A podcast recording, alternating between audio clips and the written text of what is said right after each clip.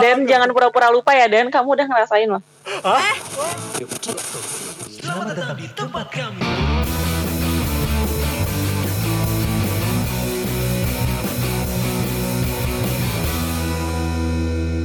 Ya selamat datang kembali lagi tentunya di tempat kami dan tentunya masih bersama gua Denny Ramadhani Fitra dan juga ditemani oleh oleh Ubel pastinya, pastinya hari ini. sama Ubel lagi setelah kemarin gua selingkuh sama Haria itu Ini selingkuhnya sama cowok gak nyangka deh. karena ditinggal berkemah-kemah ceria.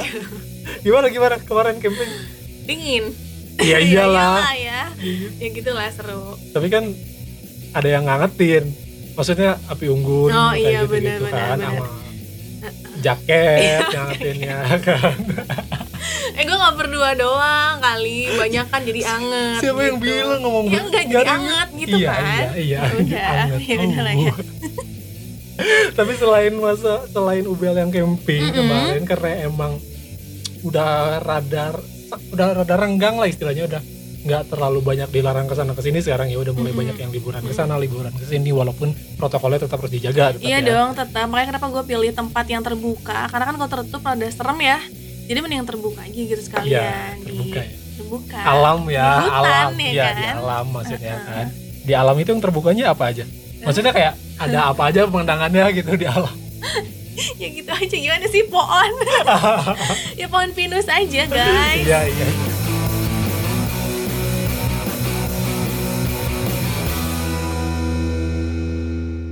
ya have fun lah ya have fun lah ya. Iya, sedetik doang sih iya tapi. iya iya. Terus ada juga ini ada berita-berita yang have fun Bel selama seminggu kurang lebih ke belakang ini nih. Jadi apalagi khususnya orang-orang yang berada di eh, Jepang. Wah, di sana mah kayaknya have fun terus ya. kadang stres juga karena kan budayanya emang budaya Hmm. kerja kerja kerja kerja. Tapi ternyata ada berita yang menyenangkan buat Jep- di orang-orang Jepang khususnya yang pengen menikah. Wih, karena eh, baru-baru ini ada berita yang menyebutkan bahwa pasangan yang mau menikah di Jepang mendapatkan insentif sebesar 75 juta rupiah eh sebesar 80 juta rupiah Wih. sekitar lah sekitar situ ya. sekitar segitu Gila, atau gila, gila, dalam Mau. duit yennya itu berapa 600 ribu yen Ih, parah sih. mau menikah dikasih duit Aneh ya. Kalau kita harus cuan-cuan dulu. Iya, patungan dulu. nego sana nego sini. Ah, bener. Pinjaman dulu dana pensiun. Banyak lah sekolah. Tapi kalau di Jepang ini enak banget dapat insentif 84,9 juta kurang lebih ya. Oh, Dan uang oke. tersebut tuh diharapkan dapat meringankan beban mereka yang menyewa apartemen, yang apa ya, persiapan berumah tangga mereka lah Oh, gitu. gitu. Jadi ada alasan pemerintah lainnya itu adalah anggaran ini itu karena minat anak-anak muda di sana buat menikah itu sangat minim ternyata. Oh, oke. Terus eh, karena menurut mereka nikah itu adalah karena menurut mereka itu kayak anak-anak muda di sana tuh mikir kayak beban finansialnya berat banget nih kalau buat menikah gitu. Oh. Belum punya anak nanti buat nyekolahin Mm-mm, buat apa-apa mm-mm. jadi mereka kayak nggak mau nikah deh. Nah, Oh, si pemerintah akhirnya mancing gitu. Eh, gua kasih duit deh, gitu mau nikah nggak? Jadi lu gak usah mikirin finansial. Baik banget ya. Baik banget sih asli. Tapi emang gue baca juga kalau di Jepang itu ternyata eh, minim banget kelahiran anak di sana tuh. Iya. Kalau di sini kan kita kelebihan Iya. ya guys sih. Kalau di sana tuh malah minim karena ya anak muda di sana mikirnya "Ya udahlah apa ini nikah mendingan hidup sama keluarga aja terus gitu. Benar. Terus kayak mereka juga udah bisa mencukupi kehidupannya sendiri kayak mereka mereka emang kebutuhan kenikmatan mereka itu dengan cara bekerja di sana tuh kerja kerja kerja kerja gitu. Tapi kalau udah nikah malah mikirnya jadi beban gitu Iya, kan ya. gitu bukan kenikmatan mereka. Jadi aja pemerintah bikin anggaran dana ini Mm-mm. gitu. Ih, keren sih. Di sini anggaran dana buat jalan terus jalan layang Iya. ya. kayak yang bisa dinikahin aja terus jangan layang. aduh, aduh, aduh, aduh, aduh, aduh. Ada terus nih selanjutnya nih Den, ini ada satu berita juga yang kayaknya kalau aduh ini asik banget sih kalau kita menemukan harta karun di dunia nyata ya kan. Bener banget. Karena kan selama ini kayak harta karun tuh adanya di kartun-kartun. Iya. Kayak apa ya? Eh, istilahnya tuh kayak rezeki durian apa? Durian nomplok gitu. Durian nomplok dan runtuh kali. Durian runtuh. Nomplok, runtuh jatuh. Iya. Nah itu dia. Jadi ini ada berita kemarin itu keponakan gembong narkoba terkenal alias Pablo Escobar. Wow. Siapa sih yang nggak tahu? Iya, Ya nachos. kan? Ini katanya dia tuh bilang kalau dia nemuin satu kantong plastik dengan berisi uang senilai 18 juta dolar atau sekitar 268 miliar. Nemu uang.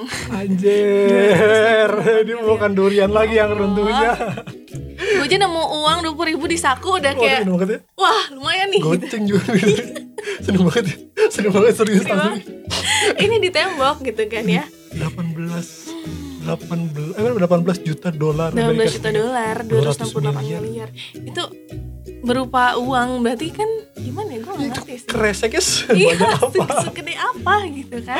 kayaknya kayak kayak kresek kresek daging kurban tapi yang buat sekompleken gini Iya. itu uangnya semua kalau itu mah daging kurban ini mah Asli. komplek ya apa namanya uang semua Jadi ternyata dulu keponakan itu yang bernama Nicholas Escobar itu katanya ini bukan pertama kalinya dia nemuin uang itu katanya. kedua kalinya udah sering ya Iya karena itu kayak sering banget eh, datang ke tempatnya si paman itu paman tuh kayak nyembunyiin beberapa properti gitu Den ya jadi tempat-tempat dulu si Pablo Escobar apa menghindar dari Mm-mm. ini ya dari polisi. polisi Jadi ada beberapa tempat yang banyak propertinya di sana dan ternyata dia tuh nyembunyiin uangnya tuh di situ. Jadi kayak hidden gems banget ya sih. Wow. Yuk kita ke sana yuk. jadi tempat wisata ya iya ya harusnya. aduh Escobar tuh kan kayak berarti Pablo Escobar itu bisa jadi dia selama hidupnya itu bekerja Mhm. dengan apa ya tipi- tipikal pekerjaan yang mengambil resiko banget lah ya Iya sih. bukan tipikal pekerjaan yang lumrah yang nggak bukan kantoran bukan sih. yang Bilang aja yang halal gitu. Susah banget sih.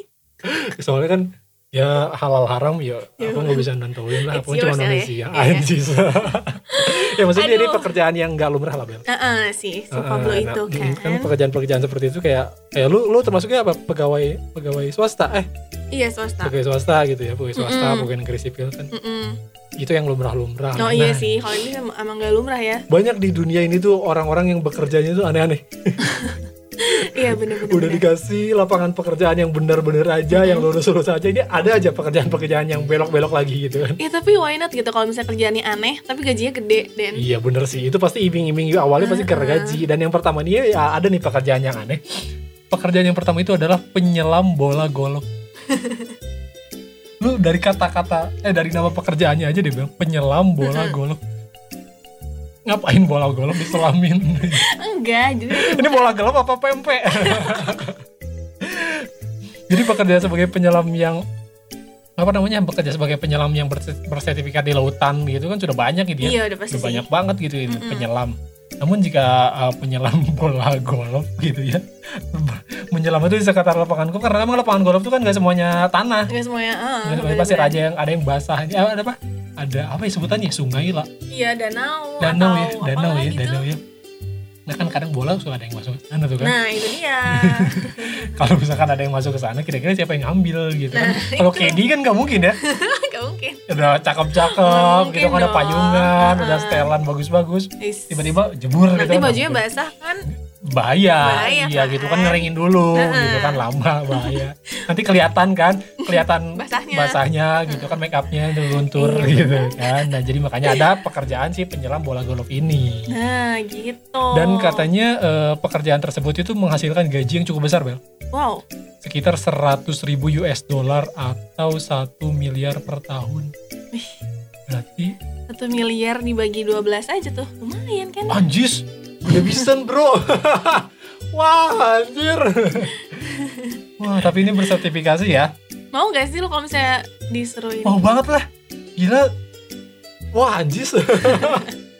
Aneh tapi anjis pengen bisa nih nih tapi tapi baca deh ini kayak harus menggerayangi dasar-dasar danau untuk mencari bola. Iya kayak kayak apa ya? Kayak kayak bersih bersih kolam aja gitu. Iya cuman sih. danau di tempat golf gitu. Alhamdulillahnya balik lagi ke atas ya nggak sih? Kalau Iya. enggak ya udah buat keluarganya aja duitnya.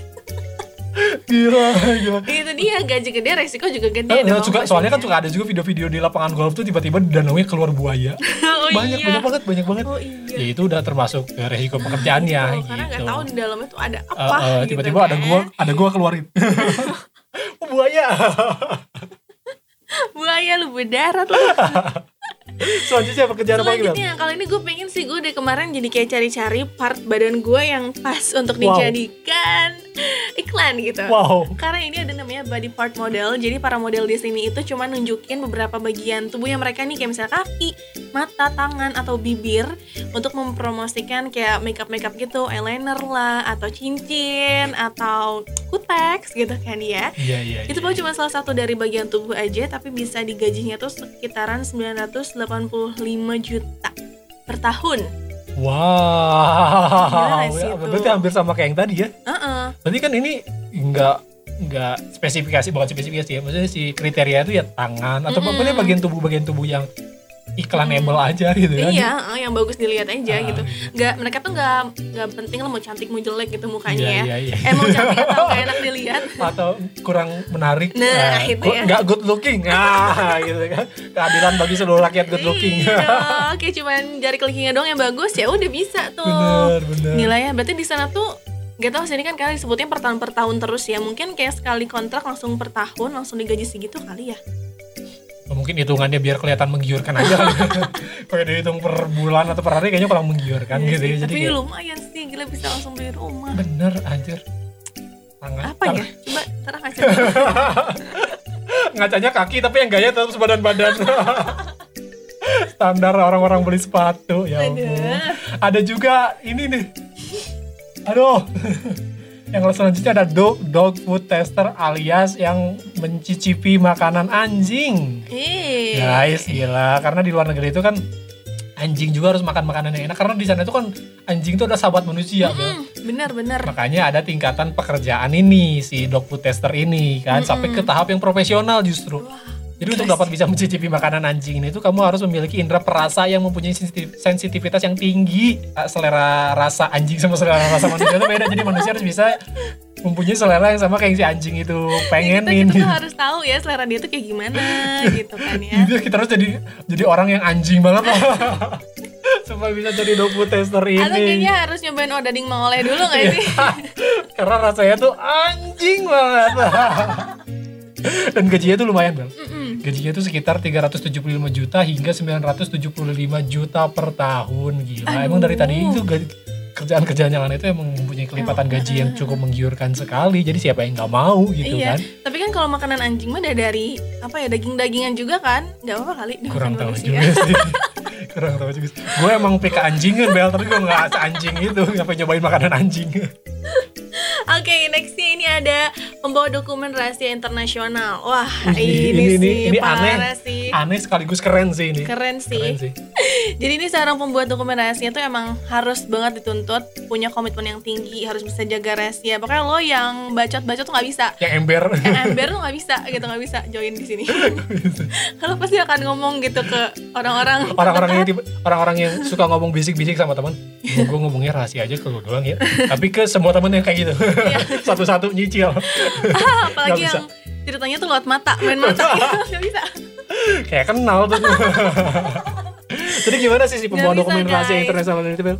Jadi dia tuh kayak disuruh misalnya dari sini anterin ke negara mana gitu kan ya. Tapi dia tuh bener-bener punya misi yang emang gak boleh orang-orang tuh tahu kalau dia membawa sebuah dokumen yang penting banget gitu. Hmm. Dan tahu gak sih pendapatan yang dikantongi sama pembawa dokumen rahasia ini? Berapa, berapa, berapa? Adalah 146.000 sampai 488.000 US dollar atau sekitar lim- eh 1,7 juta sampai 5,8 juta sekali antar doang. Sekali Gila, doang, guys. gila gila gila. Sekali anter sekali ngantar bukan bukan per bulan per hari atau sekali ngantar kalau sehari lo dua kali ngantar ya kali dua kali ya sih? Ya kalau setahun cuma sekali nganter ya setahun cuma 5 juta 800 gitu ya itu pasti bukan bukan di bawah ember lagi itu di bawah garis kemiskinan gitu. Ya tapi mungkin kalau di luar negeri banyak banget kali yang diantar. Atau mungkin dia ngantar dokumen rahasianya nggak di satu tempat jadi ada berbagai tempat yang Hmm. pengen mengantarkan dokumen rahasia. Nah gitu. Dia dia freelance gitu Freelance. istilahnya gitu sebenarnya kan. freelance cuma biar keren aja jadi pembawa dokumen rahasia. Sopir sebenarnya. Kalau ngomongin masalah gaji Bel Uh-uh. lu waktu pertama kali dapet gaji dipakai buat ngapain? Dulu tuh em, dipakai apa ya? Gue lupa. Langsung beli handphone sih kalau nggak salah. Wedan Eh. habis dong langsung enggak ya nyicil wah kredivo jadi DP Asli dia DP ke sana menyicil aja udah. Gila, gila, gila, gila, gila. Kalau gue dulu waktu itu dapat gaji pertama waktu tahun 2012, gue itu kerja jadi storekeeper di salah satu distro di Bandung lah. Mm-mm. Gue dapat, wah zaman 2012 itu waktu store storekeeper gitu, cuman dapat berapa ya gue gaji ya? Sekitar 700 ribu itu tuh ya. Waktu pertama di storekeeper gue bener-bener ngas apa namanya bayar kosan. Setelah bayar kosan ada sisa bu- buat makan, Mm-mm. Terus sisanya sekitar, gue inget banget 150 ribu sisanya. Terus buat apa? Gue kasih semuanya ke nyokap gue. Hmm, ini 150 ribu. Dari buat kerjaan. ngedet. Enggak dong. Masih jomblo itu.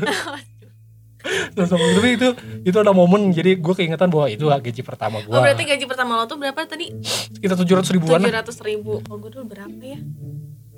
Gue juga segituan sih, paling 500 600 Iya, ribu lah ya. segituan, Karena iya. kan masih kuliah, jadi gue Iya. cuma nyari-nyari yang sampingan doang gitu. Iya, iya. dan juga gue juga udah sempat nanya ini eh kita juga udah sempat nanya ini ke followers followers kita Yang gak Gitu. banyak-banyak amat. yang nggak banyak-banyak amat perihal si eh, Gaji apa namanya gaji itu. pertama ini ya udah dilempar nih kan Q&A Pertanyaan. di story Instagram gua dan juga di story. Instagramnya Ubel gitu kan yang mana gaji pertama kalian tuh dipakai buat apa sih gitu Iya nih kalau leh tahu. kalau leh tahu nih aku ya Ada siapa deh dari lo dulu deh? kok gue dulu sih lu dulu? ya udah deh gue dulu deh Iya. ada dari Ed Bril John katanya beli gitar hehehe oh ini musisi, musisi banget nih cie. Kalau teman-teman gue sih yang jawab banyaknya pada beli makanan sih Beli Den makanan Kayak ada ya. Intan Purnama Terus juga ada Ovi Hai Katanya mereka eh, beli makanan enak aja Terus si Mahar juga nih beli makanan buat orang rumah Itu berkah sih Wah, iya emang sih karena kayaknya cewek emang emang identiknya sama Iya makan sih, ya. karena gue juga kalau misalnya habis gajian nih pasti pulang bawa apa ya gitu selalu. Eh, terus ada teman-teman gue yang identik juga gitu kan. Mm-mm. Eh, yang pertama eh, Ed Randy Fajal Ed Randy Fazala meser jeruk A jeruk Jeruk. Oh jeruk ini di Pajajaran jeruk ada enak sih Apa emang? seger banget jeruknya tuh seger banget gitu Serius? Iya Real jeruk jeruk atau tuh zaman zaman kayak nggak tahu jeruk? masih ada atau nggak tahu sekarang waktu jeruk tuh di Pajajaran seger seger banget sehat vitamin C nya banyak pokoknya Oke, next. Ada Us Permana kalau anaknya Vespa banget. Kita dibeliin Vespa. Eh, us ini us. Us mana ini? oh, kirain us itu. Bukan Us biasa aja, Oh, bukan. bukan us biasa aja. Ini us nggak biasa ya. juga ada teman aku juga nih, At Afrizal Chandra Sepa, At Afrizal THS katanya mau jawab Mabora takut dosa. Hmm, kenapa Udah dosa? dijawab. Mabora tuh kan hmm, apa dosanya Mabora?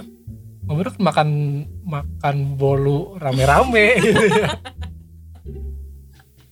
Iya, iya, iya. Nggak dosa, nggak dosa apa dosanya sih Mabora orang normal kok.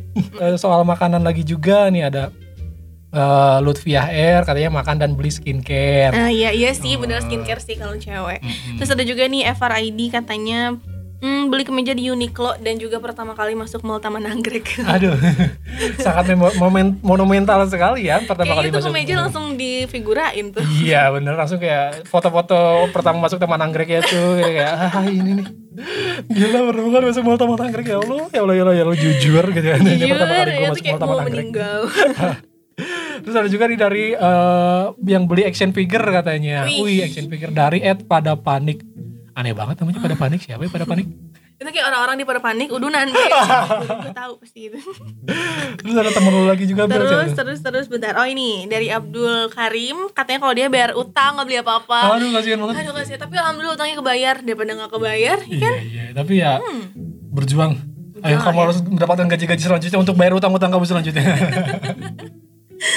terus siapa lagi ya? Ini paling ada Tiara nggak beli apa-apa langsung kasih semua ke orang tua. Ih alhamdulillah baik sama satu lagi. Oh ini temen gue dulu waktu part- di siaran siaran Ya, di gimana? salah satu radio ya. Katanya asal mau dikasihin ke mama nih tapi karena gajinya cuma tujuh puluh lima ribu jadi beli kuota doang. Aduh, kuota per bulan tujuh puluh lima ribu tuh. Tri lagi. gue tahu tuh radio apa ya Allah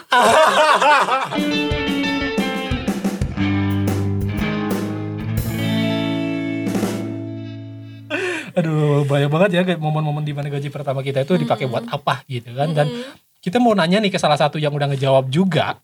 Yang mana eh, dia tuh gaji pertamanya itu dipakai buat apa sih gitu. Kita udah bakal langsung menghubungi ke salah satu teman Salah satu kita. teman kita yang aneh banget sih gaji pertamanya dipakai Iya, katanya dipakai buat beli batagor. kasihan gaji berapa sih? Batagor doang. Kita tanya klarifikasi deh ya. Halo, Halo, ada nggak suara kita? ada? Oh ada. Suara aku ada nggak, Cak? Ada dong. Nggak usah so imut gitu dong ngomongnya. Ada Den, aduh. Ampun. Hai Ica. Halo Ica. Halo. Halo Ica. Selamat kamu terpilih Iya. sebagai eh, pemenang hadiah berupa voucher. Jangan Bang Denny. Gak nyangka, gak nyangka. Gak nyangka katanya. Ica lagi ngapain? Pasti belum mandi. Hmm, menurut lo ini hari Sabtu dan gue libur. Haram kayaknya kalau mandi jam segini ya. Haram. Haram Hmm. banget ya. Langsung aja nih kita langsung Yuk. nanya ke jawaban Ica yang waktu aku tanyain gaji pertama dipakai apa. Kenapa Ica ngejawabnya pakai beli batagor? Because that's the truth. Ya mesti ini bisa diceritain nggak kira-kira?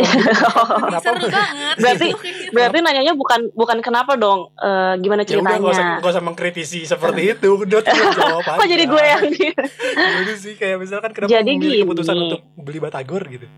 Enggak, enggak itu tuh accidentally sebenarnya. Saat itu kan baru gajian tuh pagi-pagi tuh.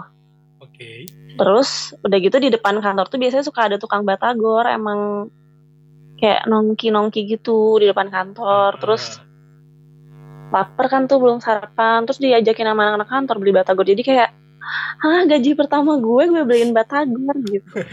Oh jadi itu tuh emang hari lagi gajian terus tiba-tiba ada batagor. Iya, heeh, kayak nggak keren gitu ya kan orang-orang belinya skincare apa gitu. Mm-mm.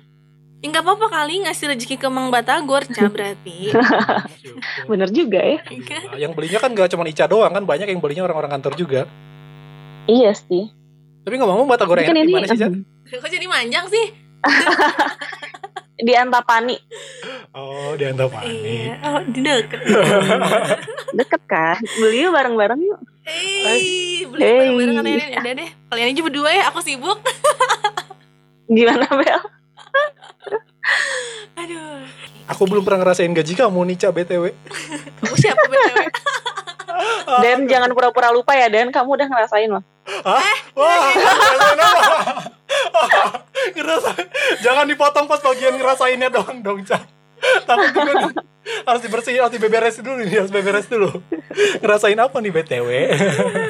Ica, Ica, sehat ya Ica, Ica, sehat-sehat selalu. Makasih ya udah mau digangguin Sabtu paginya Ica. Iya, sama-sama. Cuman aku doang nih yang digangguin. iya, kamu Iya, doang. spesial. Supaya kamu nggak tidur terus. Gak seru banget gitu doang. Ih, batagor doang tahu. Ca, ada pertanyaan nih. Kan aku juga tuh? question tuh. Kenapa cuma jawab yang Denny doang? Udah dong, Kamu jangan dong. question ya? jangan kayak gitu. Kita temenan di Instagram kan. Jadi kan aku lihat Maksud- lihat yang Denny duluan nih. Nah, itu emang Hmm. Nah, waktu, ya udah nanya dibalas. Eh, timing. takut kalian pusing Iya nanti. bener, timing, timing segalanya, Bel. Timing. Oh, iya. Hmm, hmm, hmm. biar Oke lah. kan kata Jungpal juga gitu timing adalah segalanya salah kan ya udah kan berabe Oke gitu. lah, baiklah kalau gitu. Terima kasih Ica ya. Oke, nanti beli batagor sama-sama. cari Basmin oke Bye. Aku nggak suka di PHP-in. awang no Dadah Ica. Assalamualaikum. Dadah, waalaikumsalam. ya beli batagor katanya itu dia emang emang emang pasti monumental sekali lah namanya gaji pertama selalu keinget dari mulai walaupun gajinya kecil ya Mm-mm. gaji kecil gaji gede gitu kan pasti sangat teringat namanya gaji pertama gitu kan ya. karena udah gak minta sama orang tua tiba-tiba dikasih uang hasil kerja sendiri. Ih, seneng banget sih emang. Senang banget karena emang kan dapat kerja tuh kan susah gitu apalagi zaman sekarang Asli, itu kayak harus mm, dikaliku dulu ngirim puluhan CV. Bener, belum kita harus ngurusin administrasinya, sih. belum tesnya Eh, bikin gitu kan. dari mulai bikin CV-nya juga suka bingung gak sih? Bener gitu kan CV yang menarik itu seperti apa gitu kan. Terus kayak ketika udah melalui tes, belum lagi kita harus menghadapi HRD gitu Iya, kan bener. interview user. Pokoknya banyak interview-interview yang bener-bener kayak Psikotes. Oh, ya ampun susah banget kan. Susah banget kan suka suka ah dari berbagai macam ribu ribuan interview bahkan yang keterima cuma berapa gitu kan. Itu susah banget untuk mencari pekerjaan di masa-masa sekarang ini dan kalau lu sendiri waktu zaman-zaman interview kerja lu gimana interviewnya Bel? Eh, lurus-lurus aja atau gimana? Hmm, dari sekian banyak CV yang dikirim-kirim itu kayak gue interview paling cuma beberapa biji doang. Karena karena itu juga dapat kerjaan dari temen. Oke, jadi ada orang dalam. Nggak orang dalam sih lebih ke kayak Re- rekomendasian ya? rekomendasian ah, gitu. itu- Karena ke sananya ya terserah HRD-nya kan mau hire gue apa enggak gitu. Benar, benar, benar. Benar. sih kalau yang paling menarik itu adalah waktu gue interview di kereta sih. Karena itu ih parah banget dari Interviewnya pagi. sambil Enggak, enggak maksudnya masuk Oh ke di perusahaan kereta itu, iya. Karena itu interviewernya banyak banget. Eh, yang di interview banyak banget ada berapa ratus gitu. Keterima cuma tiga orang. Au, dan lu yang keterima? Iya. Oh, jis. Jadi sering kali lu mau sombong bahwa lu adalah orang terpilih dari sekarang banyak orang Tapi gitu gue ya. udah resign. Enggak, Bel. Eh, setelah gue kan kalau gue interview banyak ikut interview dan banyak ditolak, aka emang ditolak semua sih. Gue belum pernah diterima di kerja tempat mana pun. Namun sedih banget. Doanya kurang. Dan setelah kejadian-kejadian tersebut, akhirnya aku memutuskan untuk mencarilah kenapa nih gue bisa gagal di tahap Mm-mm. interview-interview pekerjaan gue. Dan akhirnya gue menemukan ada beberapa poin sebenarnya yang cara melamar kerja kita tuh yang bikin si HRD itu terkesan saat interview kita gitu. Serius nih. Serius ada ternyata setelah gue lihat ternyata yang pertama itu setelah gue lihat kita terus memilih bidang yang sama dengan apa yang kita lakukan Mm-mm. Itu kan. Makanya yang kita lakukan di, di CV kita kan kelihatan tuh kita apa aja tuh uh, re- apa namanya riwayat pendidikannya Hmm, kayak gitu gitu pendidikannya. terus yang sama itu terus mikirin yang itu dulu gitu Oh, kan. I see. Kalau misalnya akuntan di bank kayak gitu Bener, kali ya. kayak gitu. Jangan yang terlalu menyelenceng jauh lah gitu. Namanya yang masih ada cerepet-cerepetnya dikit gitu kan. Terus kemu- kemudian ada yang eh, menggunakan istilah khusus di bidang pekerjaanmu misalkan kayak gue pekerjaannya di bidang fotografi Heeh. ya ketika di surat lamarannya atau di CV-nya kita pakai istilah-istilah fotografi gitu misalkan kayak Hmm, see. eh eh, ISO gitu kan diafragma, aper, aperture kayak gitu gitulah istilah-istilah yang menjilatnya gitu biar kelihatan kayak oh ini profesional banget nih gitu. Oh iya sih benar. Hmm, Biar kelihatannya ngerti banget gitu ya. bener. Terus si foto yang dipasang di eh, CV di kita juga harus yang profesional, jangan yang amatir lah, jangan yang jangan yang nggak HD gitu ya. Terus si eh, kop surat kayak gitu-gitu Ah, iya cover letter. cover bener letter sih. ya itu yang bener-bener Dan biasanya suka pakai bahasa Inggris ya si cover benar benar tuh. cover letter jangan sampai yang eh, apa namanya yang terlihat amatir lah Iya maksudnya sih copy paste banget copy gitu paste ya. banget tuh jangan sampai terlihat gitu yang benar-benar harus harus harus seproper mungkin Mm-mm. dan juga jangan ini nih ini yang penting juga katanya hindari untuk menuliskan bahwa kita tuh sering gonta ganti kerjaan kayak keluar masuk Hmm. kerjaan masuk kerja di sini resign kerja di sini resign Oh gitu. gitu. itu tuh di dilihat sama HRD Oh katanya iya sih. jadi Bener-bener. kayak ini tuh kayak ada kenapa nih dia Ah, ah, nggak ah, betah di satu tempat pekerjaan gitu kan dan kemudian yang paling penting adalah sosial media harus bener-bener diperhatikan feednya. karena HRD ternyata diam-diam stalking, Stalking kalian ya? guys Oh iya dari sih. mulai Twitter dari mulai Facebook Hati-hati yang suka berbicara berbicara. bener apalagi di Twitter kan sekarang lagi uh.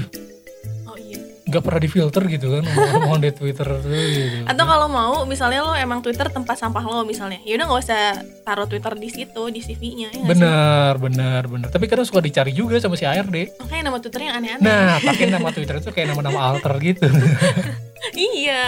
Dan yang terakhir tuh yang paling penting adalah lu harus buka peluang yang sebesar-besarnya di marketplace, marketplace bidang Hmm. talent pekerjaan itu. Iya banyak banget sih sekarang. Ya kayak job DB, job Yes. ID yang kayak gitu-gitu lo harus harus harus aktif di, di, Ah, di- ah, ah. yang seperti itu. Itu setahu gue sih gitu. Oh, I see. Pantesan ya nggak sih sekarang tuh banyak banget orang-orang yang apa udah jarang bawa amplop gitu loh karena udah banyak banget aplikasi-aplikasi Bener. Jadi emang datang ke sana tuh karena udah terkalkulasi oleh si HRD dan datang ke Hmm. sana hanya untuk interview saja gitu. Kadang seperti itu.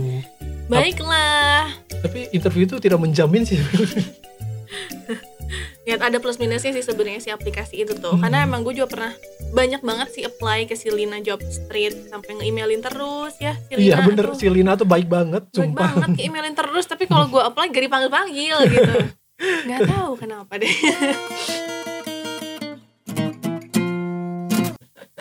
Lu waktu di interview, Bisa jadi sih. lu waktu di interview jawabnya apa?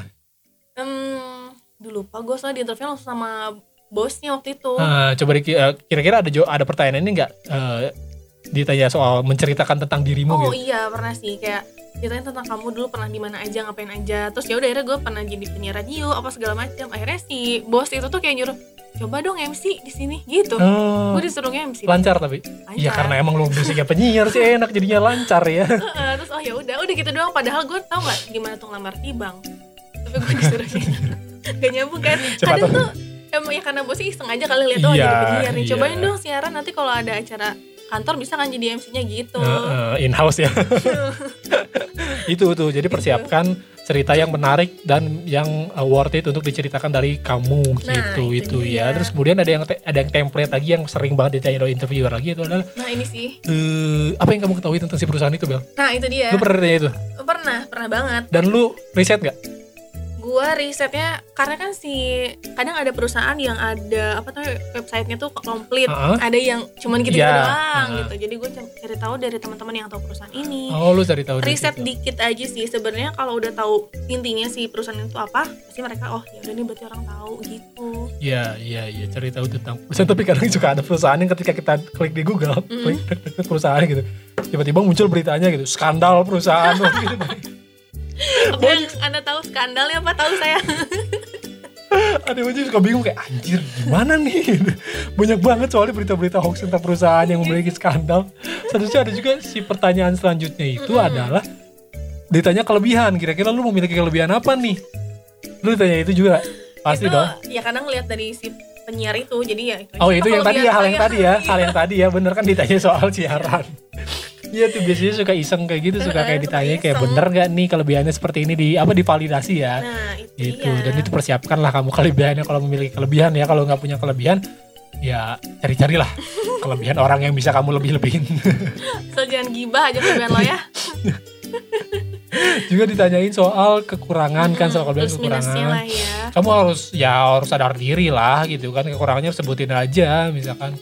Eh, jangan ditutup-tutupin dan jangan juga diumbar-umbar semua gitu kekurangan yang disebutin lu jadi kelepasan ngumbar semua jadi aib jadinya iya jadinya aib Hmm, dong bahaya gitu.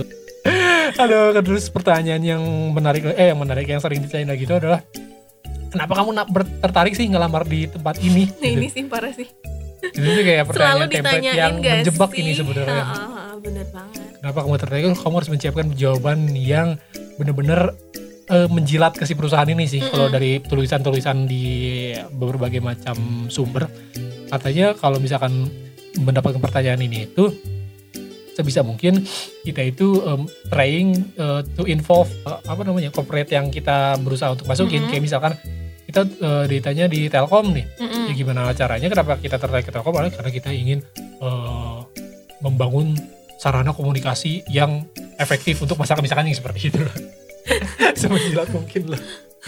Kenapa? Kalau misalkan lu Bel kenapa lu tertarik untuk daftar di bank? Waktu itu karena aku pengen apa ya pengen tahu aja kerja di bank kayak gimana. Nah nggak boleh kayak gitu tuh. Itu tuh tapi keterima gue Oke. Anjir emang. Selanjutnya, yang terakhir ini pertanyaan yang sering menjebak adalah Hmm. balik lagi ke hal-hal yang tadi kita omongin oh adalah berhubungan tentang income gaji oke salary yang pengen kamu dapatkan. inginkan dapatkan di kantor itu berapa kalau gue dulu jawabannya UMK aja nggak apa-apa Sangat disenangi oleh bos ya. Wah, oke, UMK. karena kayak dulu udah desperate banget cari kerja ya udahlah UMK aja pak nggak apa-apa Iya. gitu kadang eh, yang bila bila mana kadang orang-orang yang nggak prepare itu ketika ditanya mau gaji berapa tuh suka so-so diplomatis itu bel Mm. so kayak saya eh, berharap gaji yang saya dapat sesuai dengan kinerja yang saya berikan kepada perusahaan gitu kayak gitu-gitu tuh kayak bertele-tele bacot gitu banget. lu ngomong aja berapa juta gitu Nah, langsung itu gitu ya pengen Iya, gitu kan. itu lu nggak usah mikir kayak oh materialistis banget nih ngomongin langsung nominal. Enggak, justru emang itu pasti gitu. Berapa? Ya sekitar 4 juta 5 jutaan lah gitu. Mm. Langsung ke langsung ketika ditanya kenapa dapat eh, kenapa pengen dibayar segitu baru dijelasin. Nah itu Gitu. dia Walaupun emang sebenarnya kadang banyak perusahaan yang UMK dulu Gitu kan gajinya Heeh, Nanti baru abis itu menyetarakan dengan ijazah Biasanya gitu bener. Jadi kayak ada masa-masa percobaannya Hmm, dulu lah masa percobaannya gitu. dulu. Kan sebagus apa lu kerja di tempat kerja lu yang sekarang dan seefektif apa pekerjaan lu ke perusahaan gitu kan hasilnya seperti apa nanti itu dipertimbangkan dan jadi pemasukan ke lu juga gitu. Yes, benar banget. Pokoknya banyak baca-baca inilah loker-loker sekarang tuh emang lagi susah sebenarnya. Tapi ada-ada aja gitu pekerja apa kantor-kantor swasta yang nyari-nyari orang-orang buat di kantornya mereka.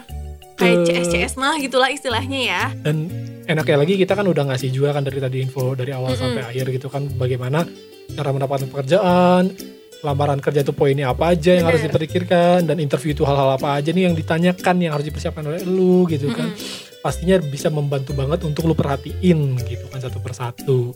Ah, dan tapi dari segala hal yang tadi kita omongin ya sebenarnya fun fact-nya sih Den apa tuh? Pekerjaan itu emang butuh orang dalam. Ujung-ujungnya kita ngasih informasi mengenai cara melamar kerja yang dapat mengimpress HRD Iya, iya. interview-interview yang bisa Mm-mm. ditanyakan oleh HRD kita harus mempersiapkan jawabannya. Ujung-ujungnya nggak guna. Maksudnya ada dark side-nya gitu loh. Jadi kayak orang dalam itu adalah udah Segalanya. segalanya. kalau boleh dipresentasiin jadi kayak si ilmu-ilmu tadi itu sekitar eh, satu persen lah. Iya. 90 persennya adalah Orang dalam. Orang dalam. Hidup orang dalam orang dalam orang dalam ya jadi powernya emang ya balik Yes, lagi ke orang the power dalam. of banget yang omnya direktur ini, direktur itu, bapaknya PNS. ampun Aduh dan kayak lo udah sedesperate itu banget ya kayaknya ya. Kan baru apalagi gue baru-baru ini ngelamar kerja sana sini belum keterima lagi Iya proyek sih, kan belum paham keluar gue. keluar lagi ya udah udahlah kalau gitu mah gue kayaknya mau coba ngelamar lagi aja sekarang Bil Semangat, ngelamar ke mana tuh? Ngelamar ke anak orang. Taruh. Taruhannya via CV ya? soalnya gue udah siapin CV-nya Waduh, good luck lah kalau gitu Den. Ukti. Ya ini sudah siap Ukti. Aduh aduh aduh